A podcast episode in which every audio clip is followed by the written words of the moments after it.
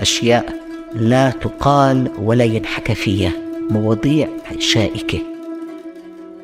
الستين طالب يلي يدقوني وشوارب وأنا عمري 19 سنة وما مهتمين أصلا بالرسم إنه شو الرسم يعني؟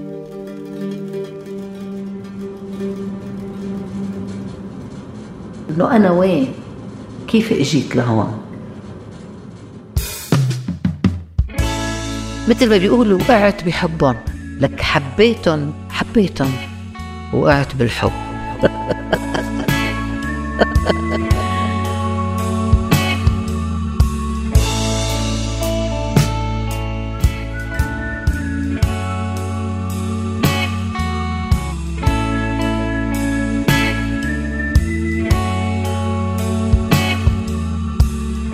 كل إنسان بهالحياة همه على قده. وكل حكاية على قد ما فيها تنهدات وآهات كمان فيها ضحكات ولحظات حلوة. اللجوء لأي بلد على مر السنين ومهما كانت أسبابه هو بحد ذاته محك وفرصة جديدة ليبحث الإنسان عن ذاته ويختبر قدراته. وضيفة اليوم من بودكاست The Refugee Boss الفنانة التشكيلية أسمهان الكراجوسلي بتأكد هالشي. قضت من حياتها فترة طويلة تتنقل بين العمل الصحفي والإذاعي والتلفزيوني لكن عشقها للدمى كان دوما يرجعها طفلة تلعب بالألعاب. لتأسس مستشفى الدمى في لندن وتحصل بال 2021 على لقب World Best Arab Ceramic Artist. تعالوا نسمع اسمهان يلي حترجعنا لدمشق لحي ساروجا ورد وتحكي لنا عن الطفولة وجذور الشغف.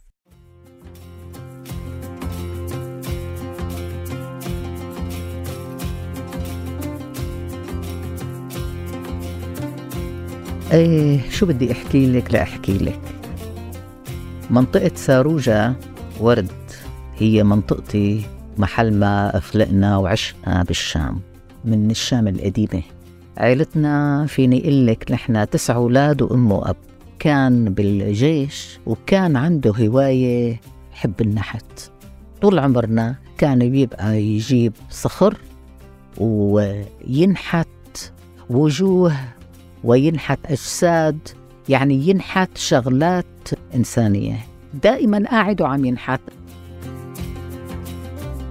أنا تأثرت فيه إخواتي تأثروا فيه لأنه العيلة كلياتها هن فنانين.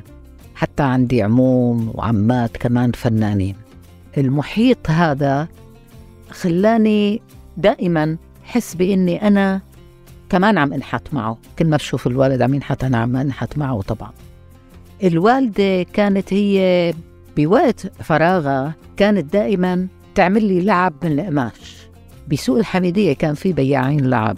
بحطوا الألعاب بتعرفي الفانيل أو البلاستيك اللي بنسميهم. وأنا بوقف وبشتهي بس بدي لعبة. فبتجي ماما دائما بتقلي خلص بوعدك هلا بس نروح على البيت رح أساوي لك لعبة. وفعلا بنرجع على البيت. وبتعمل لي لعبة قماشية من قماش وبتحط لها شعر. ما بتروح هالذكرى من من بالي. بتعرفي كانوا يجيبوا خشبتين يحطوا وحدة على وحدة مثل الصليب.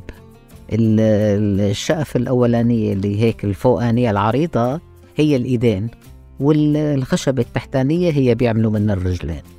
دائما عنا هيك خشبات وبتعمل منهم كانت الألعاب بتلبسها هيك قماش وبتساوي لها فساتين يعني كنت كتير كتير مبسوطة.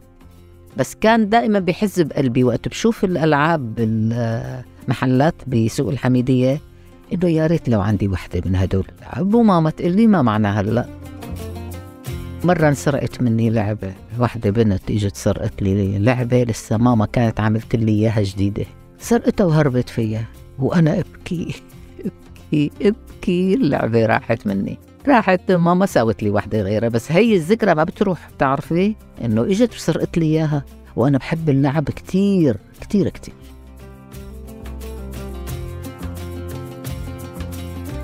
عشق الدمى رافق عشق الفن. شغف جمع أفراد عائلة فنية. وهالشي كان موجود بالدم والجينات لكن أكثر حدا كان باين عليه هو إسمهان. يلي لفتت نظر المعلمات والجيران.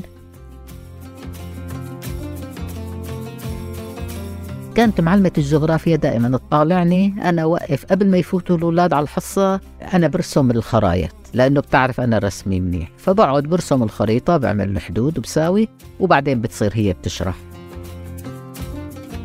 انتقلنا إلى منطقة تانية بساروجة كمان. فبهذا البيت كان في عنا جيران. جيراننا كانوا شوي هيك أغنياء. فكان في عنا الحيط تبع الكراج نرسم عليه. أبوهم لجيراننا كان من المشجعين لإلي إني أرسم. فصار يجيب لي حوار بنسميه الطبشور وإنه خذي ارسمي يا إلهي شو كنت أرسم وشو كنت أنبسط. وهو يجي ويشجعني ارسمي ارسمي يعني هو يشجعني أكثر من بابا وأكثر من أي حدا تاني. فكنت أرسم كتير كتير. الموهبة لوحدها ما بتكفي. كان لازم تتنمى بالعلم. وعلى ما يبدو كان في موهبة تانية وشغف تاني عم يزاحم موهبة الرسم.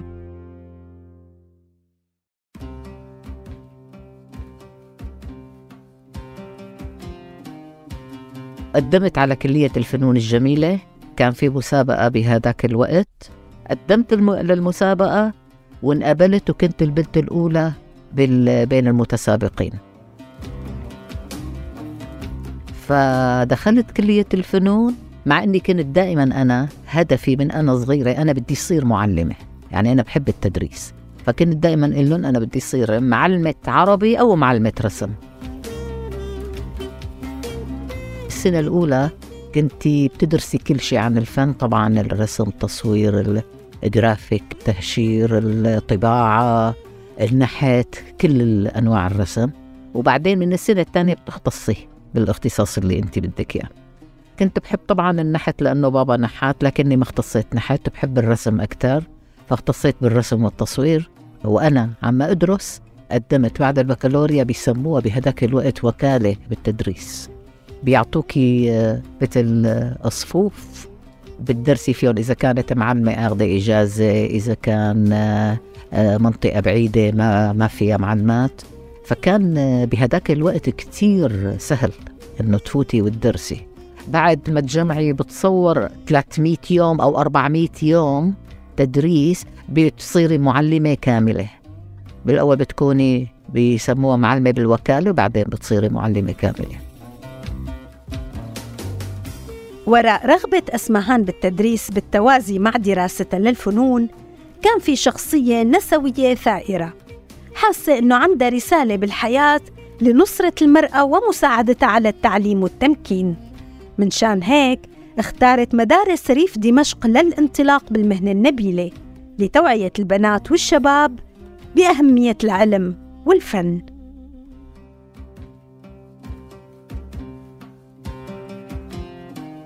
كان عندي دائما حقوق المرأة وحقوق الطفلات بحز بقلبي بدي أعمل شيء.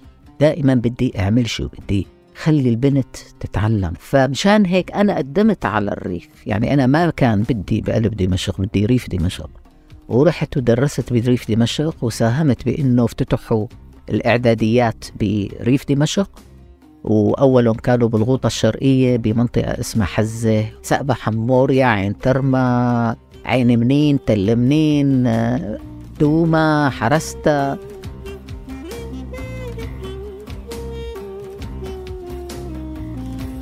وقت أنا كنت درس ابتدائي البنت بتوصل لصف السادس وشاطرة بيكونوا البنات شاطرين. تيجي لعندي عم تبكي شو بكي حبيبتي؟ بتقلي مشان الله. رسبيني بالصف ما ما تنجحيني.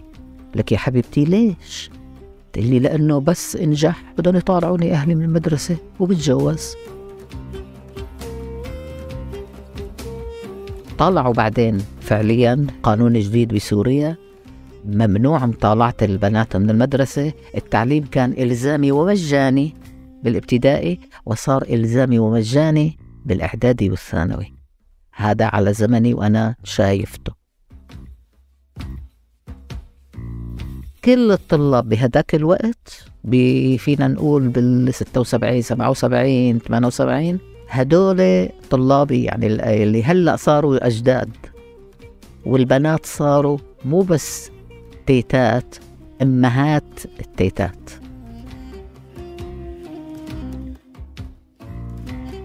هلا الحقيقة رح أقول لك تجربة معي إنه أنا وقت كنت درس إعدادي بعين ترمى وبسقبة كان مدير المدرسة يقول لي نجحيهم وبس مشيهم لأنه نحن بنعمل مادة الرسم ما بين رياضيات وفيزياء هي راحة. شوفي عدم الاهتمام. حتى مدير المدرسة تعالقت أنا وياه وتركت المدرسة وقلت له شوف مادة الرياضيات عليها عشرين مادة الفيزياء عشرين. كل المواد عليهم عشرين بتعرفي بالإعدادي. ومادة الرسم عليها عشرين. أنا بدي أعطيهم وبدي نبههم وبدي أعلمهم. هي مهمتي بالحياة.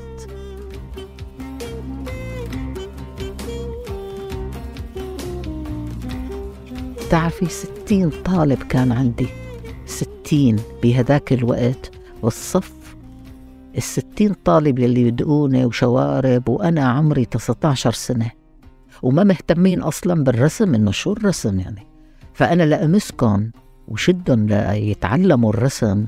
كنت ألجأ لمواد مثل ما نسميها المنظور يعني يلي له علاقة بالرياضيات. بعطيهم إنه كيف نرسم غرفة بالعمق الداخلي كيف نرسم كرسي بأبعاده الثلاثية.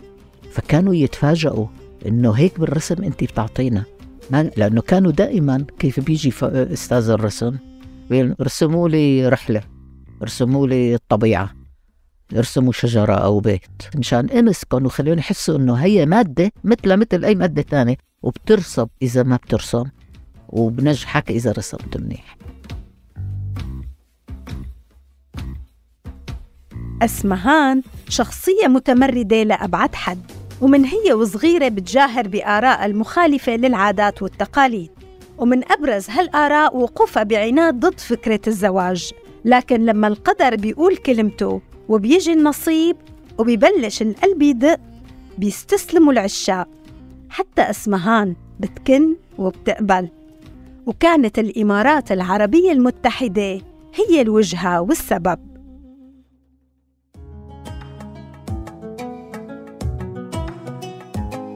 بعد ما تخرجت من كلية الفنون وقعت بالحب.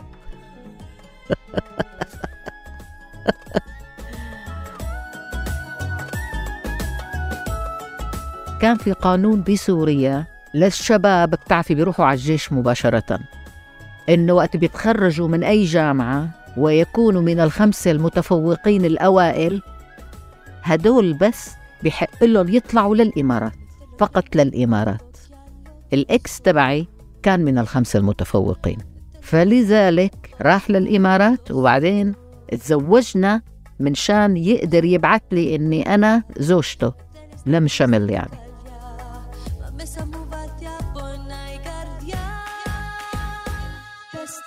الشارجة كانت لسها صحراء بالثمانينات ما كان في إلا شي بنايتين وسوبر ماركت واحد. عشت بالشارجة واشتغلت طبعا بالصحافة. ومحمد غباش عمل مجلة سماها الأزمنة العربية. مجلة الأزمنة العربية هي نوعا ما سياسية. كان فيها أبواب المجلة من بين الأبواب فيها مثل كتابة شعر بكتابة الشعر فرضنا أنت بتاخدي الفكرة عن الشعر وبترسمي رسمة يلي هي بنسميها illustration بالأبيض وأسود. كمان كنت أعمل كاريكاتير. كنت من أوائل النساء العربيات اللي بيشتغل كاريكاتير سياسي بهذاك الوقت. بعمل بعض الأغلفة. بعد سنة أو سنتين فيني إجا قرار بتوقيفه. وقت إجا القرار كيف بدهم يعملوا؟ بدهم يكملوا المجلة. قام هن إجوا للندن. وجابونا معهم وإلا ما كنا مفكرين بلندن فينا نعتبر السيدة إسمهان الكرجسلي خبيرة بمجال الصحافة في لندن بل وشاهدة على عصر ازدهاره. بزمن كانت في لندن بكل معنى الكلمة مربط خيل الصحافة العربية. الباحثة عن مكان آمن لحرية الرأي والتعبير والمكان اللي حصلت فيه العائلة على اللجوء الإنساني واكتشفت فيه أسمهان بذاتها آفاق جديدة خلتها توقع بهوى المدينة.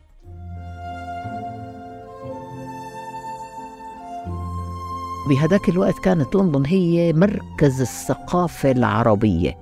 هي المركز يلي صاروا يجوا العالم من وين ما كان من شان الحرية حرية الصحافة إذا فينا نقول. إجا الشاعر الإماراتي اسمه حبيب الصايغ توفى من فترة. فتح مجلة ثقافية اسمها أوراق. واشتغلنا بالمجلة كملنا الشغل بالمجلة. بعدين للظروف ما ما بعرف شو سكروها. كان في أول صحيفة عربية بتصدر بلندن اسمها العرب صحيفة العرب يلي هي صاحبها كان الحاج محمد الصالحين الهوني. هي أول صحيفة قبل الشرق الأوسط حتى في لندن. فكان في الشرق الأوسط وفي العرب. الصحيفة لا زالت لحد الآن موجودة. اشتغلنا فيها فترة كبيرة. كنت أنا مسؤولة عن صفحة الأسرة المرأة وبكتب عمود يومي تحت اسم همسة وبرسم كاريكاتير يومي. هلأ أنا وقت إجيت على لندن جابونا بشكل قانوني إنه نحن مع الشركة لكن حتى مع هذا كان لازم بقى آه، بشكل انفرادي تقدمي لل Home Office إنه بدك تاخذ بقى إقامة وخاصة لأنه المجلة سكرت فيما بعد فكان لازم نقدم. كيف بدنا نقدم؟ بدك تقدمي إما لجوء آه، فرضنا بيسموه إنساني أو لجوء سياسي. فقدمنا وقتها تصور إنه لجوء إنساني. أنا بحب لندن كتير. أنا لقيت نفسي في لندن. أنا كل يوم بشكر الحكومة والدنيا إنه أنا موجودة في لندن. أنا بسوريا كنت واجدة نفسي. يعني ما إني من عائلة مقموعة أبدا بالعكس. لكن مع هالشي أنا في لندن أنا إنسانة. أنا عندي كرامة. أنا إنسانة كاملة. يعني بعمل يلي أنا بدي إياه بفكر مثل ما بدي واشتغلت بالتدريس. وعلمت الأجانب حتى اللغة العربية. وشغلي بالصحافة كون لي شخصيتي أكثر وجدت نفسي.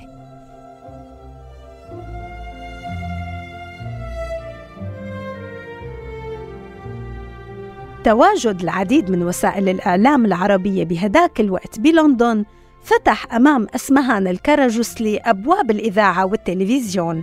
وما بين البي بي سي والإم بي سي قضت سنوات طويلة تشتغل بعالم الميديا وسخرت كل اهتماماتها الفنية للعمل في برامج الفن والأطفال والمساهمة في تأسيس القنوات الجديدة.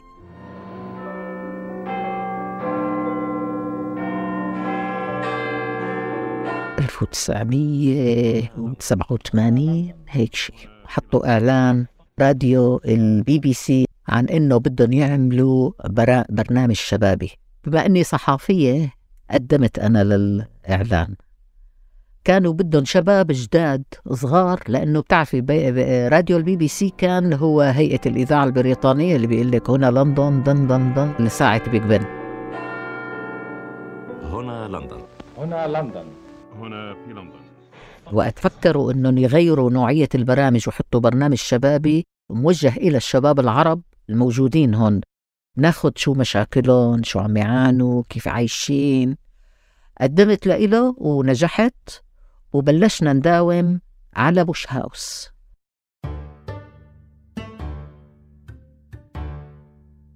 كان هذا البرنامج اسمه برنامج شباب على الهواء المديرة تبعنا هي الست سلوى الجراح اللي هي معلمتي وأنا كتير ببعث لها رسالة شكر. وبحبها وبحترمها. هي المخرجة يعني تبع البرنامج وكان من بيناتنا نحن الثمان شباب كان في سام فرح ودينا عرب.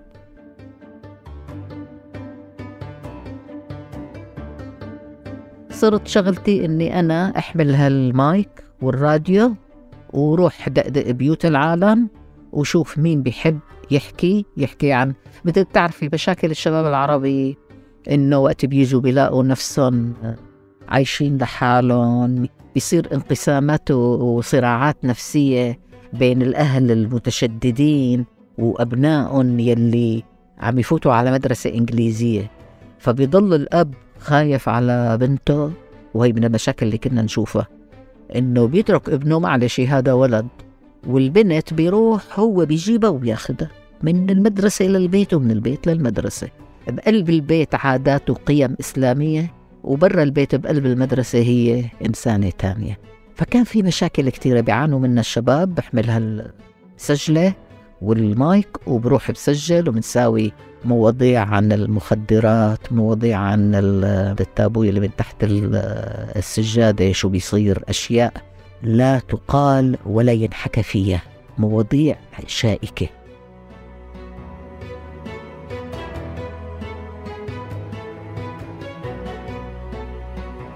أنا تركت بعد سنتين كانت فتحة الام بي سي حطوا إعلان قدمت للإعلان فأخذوني بما أني أنا already بشتغل بالراديو كنت. فأول ما فتحت الام بي سي هون بلندن كانت أول محطة تلفزيونية عربية. شافوا اهتماماتي بال بالرسم بالألعاب بالأطفال أنا كتير أهتم بالأطفال كنت. كنت أكتب قصص للأطفال. وقت كنت مع صحيفة العرب عندي الصفحة تبعية الأسرة وبالمقابل في كان مجلة أطفال اسمها سعاد وسندباد. هي المجلة كان فيها كوميك هي قصص. فأنا برسم القصص وبكتبها وبلونها وكل شيء أنا بساوي بالمجلة. بصباح الخير يا عرب أنا كنت من الطاقم يلي منسق المواد. كان في يوم الخميس مختص بالمرأة وبالطفل أكثر من الأيام الثانية. فأنا كنت مسؤولة مثل بيوم المرأة بروح بعمل مقابلات مع نساء عربيات عاملين شيء بالبلد. وكنت كمان باهتماماتي للأطفال عملوا لي برنامج أطفال. كنت أول وحدة عملت برنامج أطفال بالمحطات هي العربية. فاسمه صباح الخير يا أطفال. وكان في عندي كمان برنامج كمان للأطفال اسمه ضحك ولعب وجد وفن. أنا طبعا سميته وأنا اللي سويته. وكنت أقدم برنامج فني يلي هو لوحة وفنان. بروح بقابل فنانين تشكيليين. إلهم علاقة بالعرب أو هن عرب. يعني حتى إنجليز اهتماماتهم عربية. كتير كنت نشيطة على جميع الأصعدة.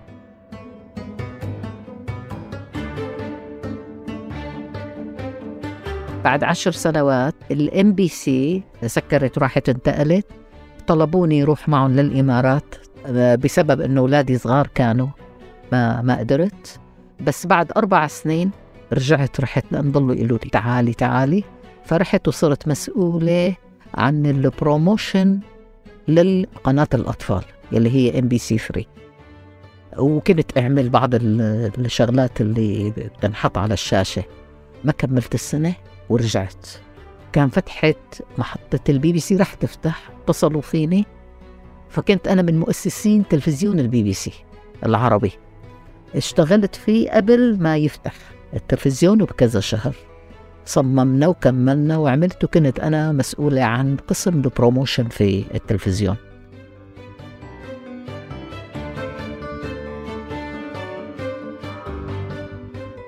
السؤال اللي بيطرح نفسه إنه خلال سنوات العمل الإعلامي معقول تكون أسمهان نسيت شغفها التشكيلي؟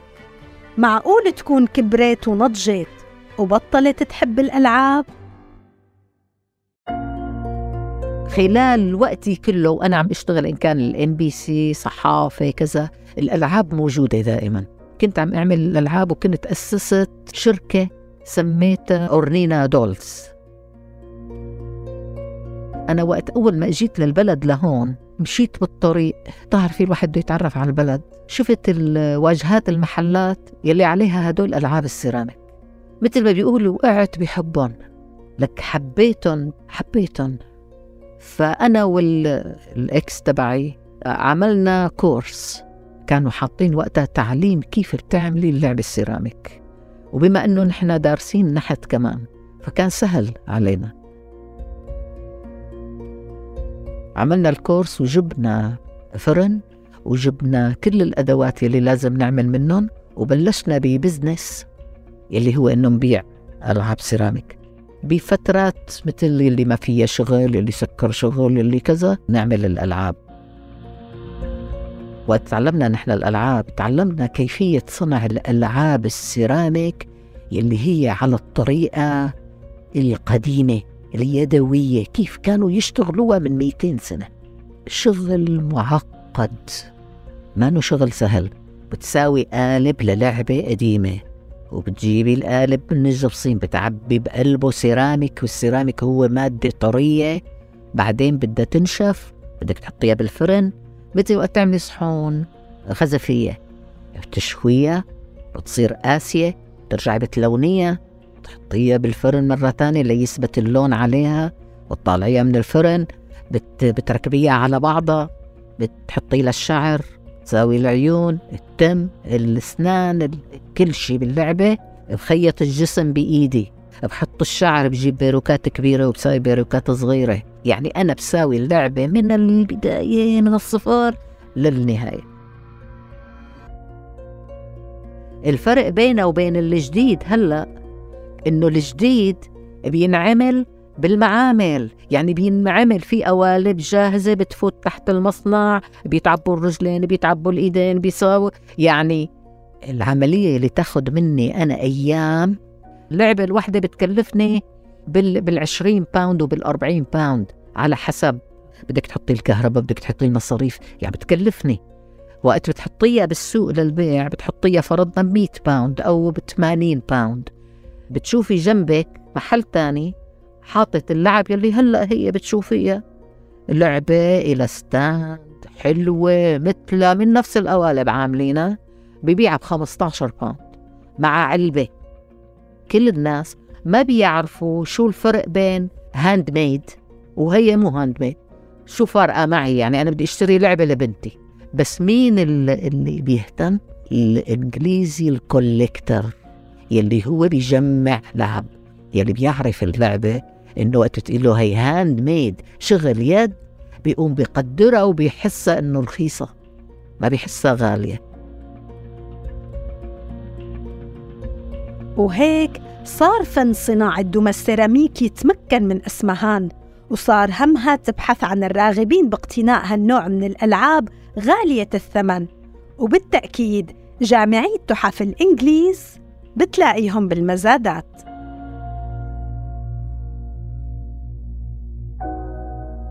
بالمزادات بتشتري أي شيء قديم تعرفي وإله قيمة بيصير. فدرست عن ال ال الألعاب القديمة.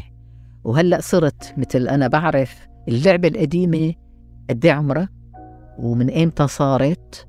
وقديش بتسوى. إذا كانت في منا ما في منا قديش ندارتها وطبعا كان في ناس بيهتموا بالألعاب القديمة الأنتيك. أنا بما أني بشتغل ألعاب وفنانة وهيك فصار يجوا لعندي لرمم لهم اللعبة القديمة. فبتشتري أنت لعبة قديمة مشققة مكسور شقفة من وشها مكسور من إيدها. يعني ما أنا بحالة جيدة. إذا بدك أنا أقولها مثل ما بلغتي إنه ما أنا بحالة صحية جيدة مريضة.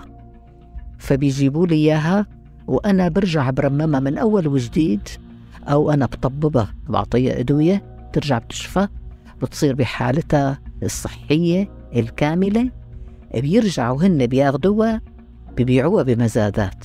لأنه كل ما كانت اللعبة أو الدمية بحالة صحية أفضل كل ما بتنباع بمبالغ أعلى. فأهم لعبة بالأنتيك بعالم الأنتيك هي اللعبة الفرنسية. وقت بتلاقي لعبة فرنسية طبعا أنا كيف بعرف اللعبة؟ إنه بعرفها من اللوجو والشعار اللي بيكون مطبوع على ظهرها مثل بعطيكي مثال فرضنا إذا اشتريتي آه، خاتم فضة بتلاقي بقلبه في آه، مطبوع دمغة. كمان اللعبة القديمة عليها دمغة برقبتها هي الدمغة بتدل على أي سنة انعملت وشو اسمها والشركة اللي ساوتها. فأهم لعبة بالعالم هي اللعبة الفرنسية يلي هي بتنباع ب 30 ألف و 40 ألف وأكثر من حق. سيارة. جينات الفن عم تغلي غلي بهالعيلة طلع ابنها الكبير للسيدة اسمهان هو الفنان العالمي بيتر قاسيم. واحد من أشهر مبدعي شخصيات الأبعاد الثلاثية. شفتوا شغله بأفلام مثل The Hunger Games وبلانيت أوف أيبس وذا جنجل بوك وأفاتار ورغم أني حرقت المعلومة خلونا نسمع كيف بتحكي أسمهان بكل فخر عن أولادها.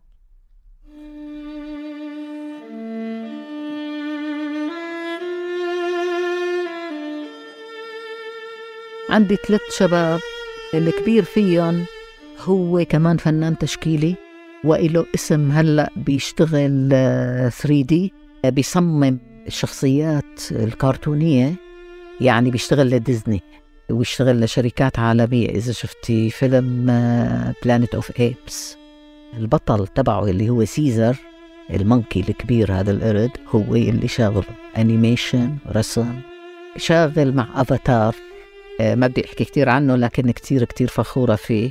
بيشتغل بال VR هلا بيعملوا الألعاب تبعت ال games اللي بتروح على ال iPhone. الأصغر منه الروح الفنية تبعه إنه بيهتم بالأنتيك بيهتم بال games القديمين بيهتم بالكوميكس كتير عنده كوميكس بشكل يعني فظيع. أصغر واحد هو أستاذ بمدرسة كمان تأثر مني بحب التدريس بيشتغل بتايلاند. وبعد ما كبروا الأولاد وانتهى الزواج استمر ل 25 سنة وتركت أسمهان آخر عمل إلها بالإعلام في إذاعة البي بي سي. صار عندها كل الوقت لتتفرغ للدمى وتعمل عدة مشاريع في آن واحد وترجع تدرس وتلحق شغف جديد.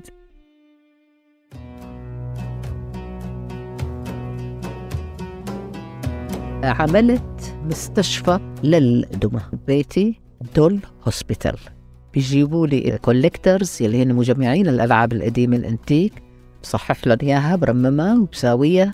طببون بعطيهم دواء بحبهم وما في حدا غيري عنده مستشفى للعرائس. عم أعمل هلا العاب مثل ما انك شايفة عم لبسهم الثيم العربي تحت عنوان سحر الشرق بأزياء الشرق. وعم أعمل معارض كل فترة وفترة بحط بعمل معرض وبحط فيه مثل تقريبا عشر ألعاب كلياتهم فيهم مثل ما شايفة. عندك بياع العرق سوس الشامي ملبسته اللبس والأزياء تبع الشام القديمة. عندك الرجال الخليجي عندك المرأة الخليجية وبعمل طبعا الأزياء أنا وبصمم هالشغلات. وعملت لعبة كمان عن الكورونا. اللبس تبعها هو من الماسكس. بحاول دائما إني أتواصل مع العصر. فهلأ متفرغة لإلهم ومتفرغة كمان إني عم أدرس دبلوم بالأزياء. فبدي يكون هلأ مصممة أزياء آه بعد فترة. اسمهان نسيت تحكي لي على التسجيل إنها حاصلة على جائزة أفضل فنانة سيراميك عربية بعام 2021 عن دميتها اللي بتحمل عنوان الراقص المولوي. لكنها حكت لي عن زخم نشاط بفترة الكورونا اتجه لصناعة أفلام كرتونية قصيرة على يوتيوب. منها حكاية دمية من زمان أصوات تدور حولها. صخب وعويل وبكاء أطفال. أفاقت من سباتها العميق لتجد نفسها بيد طفلة خائفة. لتجد نفسها بين أناس يبكون ويصيحون. عملت قصة آه، عن لعبة قديمة هلا فرجيك إياها. خليتها هي البنت فائت من الزمن القديم هي أنتيك عمرها 200 سنة. فائت قامت لقت حالها بمخيم من مخيمات اللاجئين السوريين. وهي لعبة عم تحكي لنا مشاهداتها.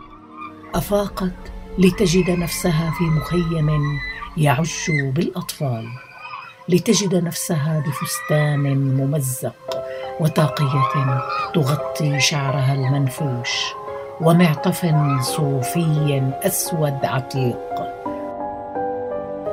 حافية لا حذاء برجليها المتعبتين وجلدها المتشقق الشاب اللعبة هي وقت شافت حالها بين أطفال عم يعيطوا أطفال عم يبكوا أصوات طلعت صارت تطلع إنه أنا وين؟ أنا كيف إجيت لهون؟ صارت تتذكر أيامها إنه وقت كانت بالعصر من 200 سنة كان في عندها بنت بتحبها اسمها أوليفيا. البنت كانت حملة وت... وعايشة هيك بيت كبير وك... كيف هي وصلت للمكان كيف عم تسمع الأولاد؟ يعني قصة آه، حطيت هيك أحاسيسي فيها خلال فترة الكورونا. تذكرت أنها كانت دمية أوليفيا المفضلة. أوليفيا الطفلة ذات العشرة أعوام ابنة العائلة الأرستقراطية الثرية التي كانت تعيش في قصر في ضواحي مدينة باريس القديمة. طلبت من الفنانة إسمهان الكراجسلي تختم لي حلقة اليوم بنصيحة تقدمها للاجئين العرب من خبرتها في العيش والعمل والاندماج في لندن وكمان من خبرتها كشخص بارع في فتح الأبواب وخلق الفرص. استحق بكل جدارة لقب اللاجئ المدير. The Refugee Boss